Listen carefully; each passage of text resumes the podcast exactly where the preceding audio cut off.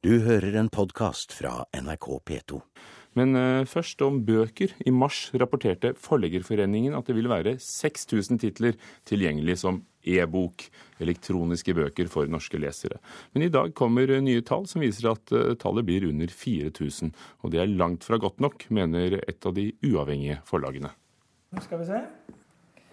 Enten kan jeg søke etter en bok, eller jeg kan se på anbefalingene som de har her. da. Ut og stjele hester den har jeg lest for lenge siden, men det er eh, en ålreit pris. Det kan være kult å ha den på, ned på paden. Direktør i Forleggerforeningen, Kristen Einarsson, handler kjapt en ny e-bok på nettbrettet sitt. Men lista over tilgjengelige bøker er mye kortere enn forlagene forespeilet tidligere i år. Undersøkelsen vi gjennomførte i mars, blant forlagene, når vi spurte hva, hvor mange titler de trodde det skulle bli i slutten av året, så trodde de ca. 6000. Undersøkelsen nå i november viser jo da at det blir 4000, pluss at de har nedjustert forventningene for neste år, slik at man nå regner med at det kommer 3000 nye neste år. Det ble altså bare gitt ut to tredeler av det tallet forlagene trodde de skulle få gitt ut av e-bøker. Og neste år er planen redusert fra 4000 til 3000 titler. Det syns forlagssjef Guro Vasa i uavhengige Publikum er ei dårlig utvikling.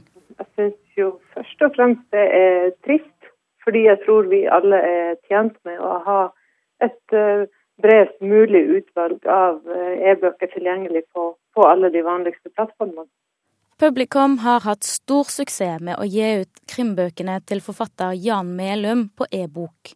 Men Vasa tror de store forlagene er redde for å tape penger på at leserne går over til å kjøpe bøker som fil i stedet for i perm. Det sitter nok litt langt inne for, for de større forlagene som er redd for at, at mye av grunnmuren av den, det store papirboksalget skal, skal, falle bort som følge av det her. Foreløpig har det kun fungert som et supplement for oss, det med e-boksalg. 2012 skulle være det store satsingsåret for e-bøker og omsetningsdelen for forlagene ble firedobla, fra 0,1 til 0,6% fra i fjor til i år. Men ifølge Einarsson møtte forlaget større motstand enn venta. Det er altså de tre grunnene. Den ene er at eh, det har vært vanskelig å rettighetsklarere en del verk man, eller bøker enn det man trodde, særlig fra utlandet. Det andre er at selve prosessen har tatt lengre tid, det å digitalisere. Og det tredje er at noen har øh, drøyet litt fordi at markedet har gått vokst saktere enn hva man hadde håpet. Men er dere redde for økningen i e-bøker? Nei, altså Poenget for forlagene er at de skal tjene penger på helheten. Fordi du har ikke, du, du, du har ikke redusert noen kostnader ved å lage boka. Uansett hvordan den distribueres. Øh, så nei, altså, forlag, altså bransjen satser. Leserne skal få tak i bøkene der, på den måten og der de ønsker det sa direktør i Forleggerforeningen Kristin Einersson til reporter Maria Piles Våsan. Kulturkommentator Agnes Moxnes, er du overrasket at, uh, over at e-boksatsingen ble enda mindre enn hva forlagene selv hadde forestilt seg? Vi må jo gi Kristin Einarsson rett i at det faktisk har skjedd en god del eh, ting. Fordi at e-bokåret 2012 det startet på bånn. Og de har nå eh, forandret målet om å nå 6000 utgivelser på e-bøker, altså titler på e-bøker, i løpet av 2012 til å gjelde 2013. Og de hadde jo håpet å de skulle ha 10 000 eh, titler i løpet av 2013. Så de norske forleggere er litt sånn, sånn nybegynnersjåfører. At de gir litt gass og, og bremser samtidig akkurat nå. Det ble antydet i reportasjen her at eh, forlagene er best tjent med et begrenset utvalg av e-bøker. Er det, stemmer det, slik du ser det? Det er lett å mistenke dem for det. Altså, de eier jo bl.a. en god del bokhandlere, eller svært mange bokhandlere. Sånn at de har jo mye å tjene på at ikke salget av e-bøker fyker altfor raskt til værs. Men jeg tror at det som ligger i bånn her, er en kjempestor usikkerhet på om hvilken vei det er rett å gå akkurat nå. Eh, hvis de hadde visst det, så hadde de satset eh, mye tydeligere. Vi vet at lønnsomheten på bøker, salg av bøker i Europa har falt med 3 det siste året.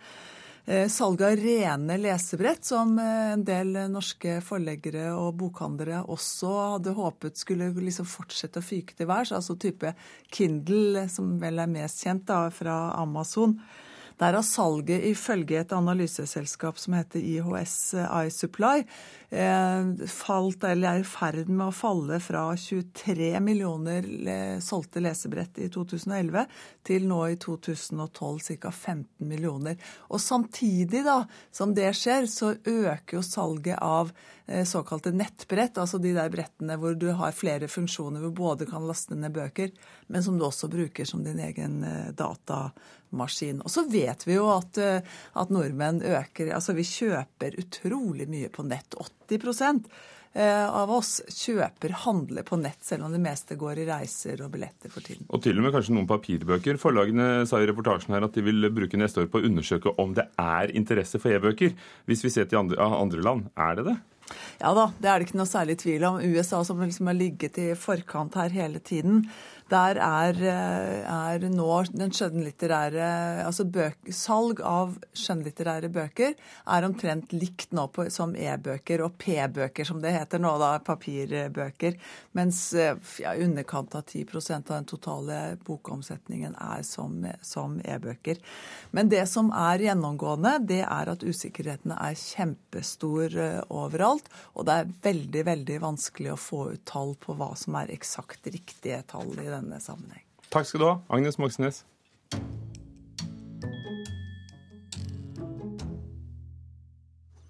Tine trekker en reklame for melk etter eh, kritikk i sosiale medier. For en av skuespillerne som reklamerer for kulturmelk, er et eh, kjent medlem i organisasjonen Folkebevegelsen mot innvandring.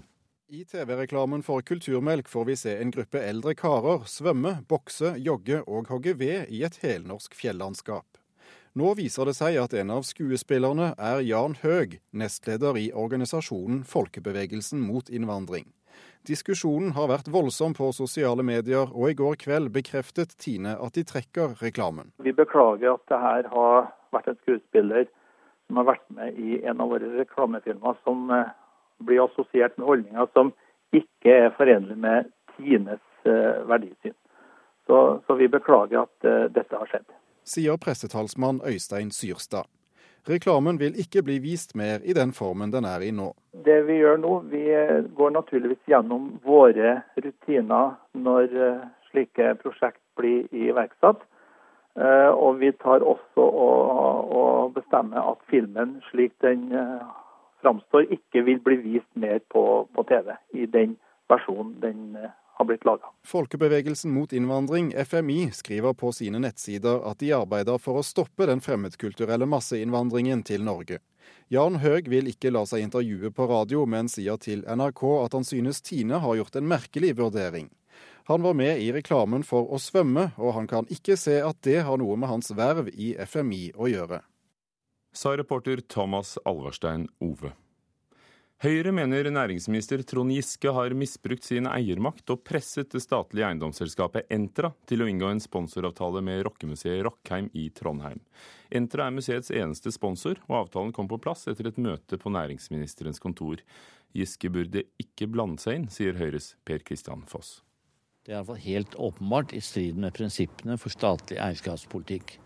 For det skal være en, en avstand mellom statsråden, eieren, og selskapets eh, ansvarlige ledelse. Det har det åpenbart ikke vært her. Her har man brukt statsrådsmakt for å påvirke avgjørelser i selskapet. Trond Giske på sin side mener at et sponsormøte hvor han er til stede, er helt naturlig. Altså Eier og selskaper er på stede på stede på mange møter, mange seminarer, mange sammenhenger. Også i sponsorsammenheng gjennom hele året. Så det er ikke noe uvanlig. Og reporter var Sissel Dalen. Først hørte vi om papirfabrikken som går for full maskin for å levere papir til den erotiske salgssuksessen Fifty Shades, og nå har bøkene også ført til økt salg av leketøy for voksne. Wrist high. Jeg, liksom, jeg, tror ikke jeg noen gang har blitt tent på og blitt bundet fast før jeg har lest denne boka. Men nå kunne jeg faktisk tenkt meg det, faktisk. Sara er inspirert. Og ikke bare har hun lyst til å bli bonde fast i senga, hun har òg blitt trollbonde av den erotiske triologien Fifty Shades of Grey. Bøkene om den unge jenta som faller for den mystiske, dominante Mr. Grey og lar seg underkaste seksuelt, topper listene verden over. Og nå har det nådd sexleketøykjeden Kondomeriet. Er det, er det vaginakule dette? Har du det? Jo, det er vaginakuler de heter, og de ligger i hyller rett ved siden av piskene og øyebindene. Og de er veldig populære, kan salgssjef Eva Milana Hodne Ellingsen fortelle. Eh, og så går det jo veldig mye vibratorer, og Fifty Shades sine produkter er jo kjempepopulære. Mm. Så du har merka at de bøkene har kommet ut og skapt stor ståhei? Ja, uten tvil. Folk er veldig eh, ivrige til å kjøpe de produktene. Skal du ha med desinfiserende rensemiddel til den? Faktisk så ivrige at kondomeriet har hatt en salgsvekst på nesten 30% siden bøkene ble sluppet i august. 669 Spesielt på sånne fetisj-tinga, da. Det selger vi mer av nå, etter boka har kommet ut. Nå nærmer det seg jul, og daglig leder Nina Therese Bratteteig tror det er mange som kan vente seg en hard pakke under treet i år. Jeg vet ikke om det ligger under treet. De gjemmer det gjerne i senga. Gjerne utpå kvelden etter alle andre har gått hjem, så gjerne det kommer under treet. Og reporter var Ragnhild Aas Harbo. Nå til Frankrike. Gérard Depardieu, kanskje vår tids mest kjente franske skuespiller, sier at han vil si fra seg sitt franske pass, selger huset i Paris og flytter til Belgia. Depardieu er blitt skatteflyktning. I det siste er han blitt kjent for uh, rollene, sin rolle i filmene om Asterix og Obelix, og tidligere i år sa Depardieu at han uh, liker å spille helt på lerretet. Bien au héros. On voilà. revient au héros. Oui. Des gens qui résistent, qui résistent à la normalité, je dirais. Det jeg beundrer hos skallerne, er at de står imot det normale og det politisk korrekte, sa Depardieu. Og Johan Tolgert, vår reporter i Paris, hvilke reaksjoner har Depardieu skapt i Frankrike nå som han flykter? Ja, Sen i begynnelsen av veckan så har debatten fortsatt. Det har jo holdt på i omtrent en uke nå. her, og Nå tar til og med kultureliten stilling, og de fleste er faktisk imot Gérard Depardieus skatteflykt. Som f.eks. den verdensberømte franske filmregissøren Claude Lelouch. Moi, vous ne me ferez jamais quitter la France. Quand on a la chance d'habiter le plus beau pays du monde, euh, on accepte tous les caprices. Ja, denne Lelouch er ikke en som flytter, flykter med det første, Johan Tolgert? Ja, det han säger här är att inget skulle kunna få mig att överge Frankrike. Det är världens bästa land och är man övertygad om detta så accepterar man att vara solidarisk med sitt land när det är kris. Det är det världsberömde filmregissören Claude Lelouch säger här. Regissörens eh, i debatten visar lite av utav den här eh, riktningen som många av personligheterna i den franska kultureliten uttaget. Och Lelouch har i ett annat uttalande under måndagen, alltså igår, sagt att han befarar att världskändisen Gerard Depardieu, alltså att hans karriär går mot sitt slut nu. Och andra kritiker har till och med uppmanat till bojkott av Depardieux filmer. Det är alltså många som är upprörda över att eh, världskändisen som för en vecka sedan meddelar att han ska överge sitt moderland Frankrike och flytta till Belgien. Och att Depardieu gör detta för att slippa betala så mycket i skatt alltså. Ja. Ja, jag tänkte bara säga att eh, från och med nästa år för att klargöra reglerna så, så ska alla som tjänar mycket pengar betala upp till 75 procent i marginalskatt i Frankrike. Ja, så denne Toppskatten er altså på alle inntekter over 1 million euro i året, dvs. Si mer enn 7,5 millioner kroner i året. Han er ikke den eneste eh, skatteflyktningen. Men Depardieu har altså i lang tid unngått å svare på kritikken. Men sist søndag i søndagsavisen Le Journal du Dimanche så slo han tilbake mot statsministeren, og hva sa han? Ja, det stemmer det. Gérard Depardieu freste til og sa at han er riktig, riktig arg på den heksjakt som bedrivs mot honom og han vil få et slut på det. Jeg har minsann i alle mine år betalat oppåt en 1,5 miljarder kroner i skatt for mine filmer og for alle de företag som jeg äger innom restaurantbransjen, sa han. Og jeg ger derfor tilbake mitt franske pass og ni kan stryke meg fra Forsikringskassens register for nå skal jeg bli belgare sa han då enligt den här tidningen JDD som den förkortas det.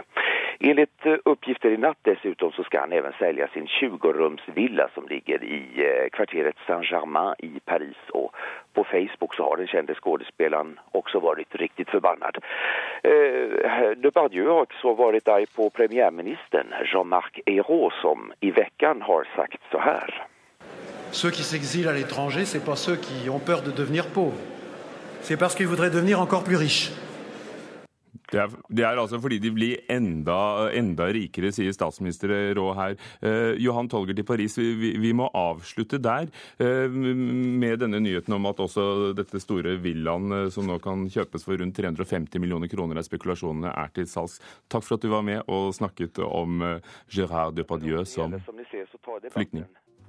En japansk kvinne falt for musikken til Elverumsbandet Team Me. når hun lært seg norsk og kan tenke seg å flytte hit. Det kommer frem i dokumentarfilmen Sayonara Elverum, som handler om bandet Team Me's reise fra lille Elverum til store Tokyo. Og filmen har premiere i hjembyen til låtskriver Marius Trugsås Hagen i kveld. Jeg har gått og venta på snøen, så nå kommer den endelig. Nå er lysløypa gått opp. Tilbake i Elverum etter europaturné. Marius Droksås Hagen blir tutet på overalt han går i hjembyen jeg blir iallfall veldig sånn ydmyk av det, på en måte. Han blir brydd av at folk på andre sida av kloden har falt for musikken hans. Etter Urørt-finale på P3 og debutalbumet To The Treetops i fjor har bandet spilt seg inn i hjertene til fans på tre kontinenter. Jeg heter Aiko. Jeg kommer fra Japan. Hva heter du? Sier Aiko på telefon fra Osaka i Japan. Her forteller hun første gang hun hørte musikken av Elverumsbandet Team Me. Det har skjedd så fort. Oi, her er det 1000 japanske fans som står og synger låtene våre. Sier Kristoffer Kumar, som sammen med Sven Arild Storberget nå har laget dokumentarfilmen 'Sayonara Elverum'.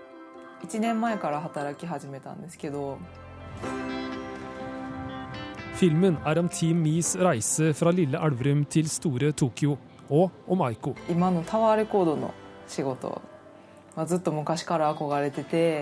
var veldig veldig stor fan, men samtidig veldig rolig fan. Nå er det liksom Team I, og nå, nå, har jeg lyst til å lære seg norsk og har flyttet til Norge og er helt eh, pladask forelska i både ja, først og fremst Team I, men nå Norge. Dokumentarfilmen, som har kostet 400 000 kroner, er støttet av Østnorsk Filmsenter og bl.a. den norske ambassaden i Tokyo. Nei, det er ålreit, det, altså.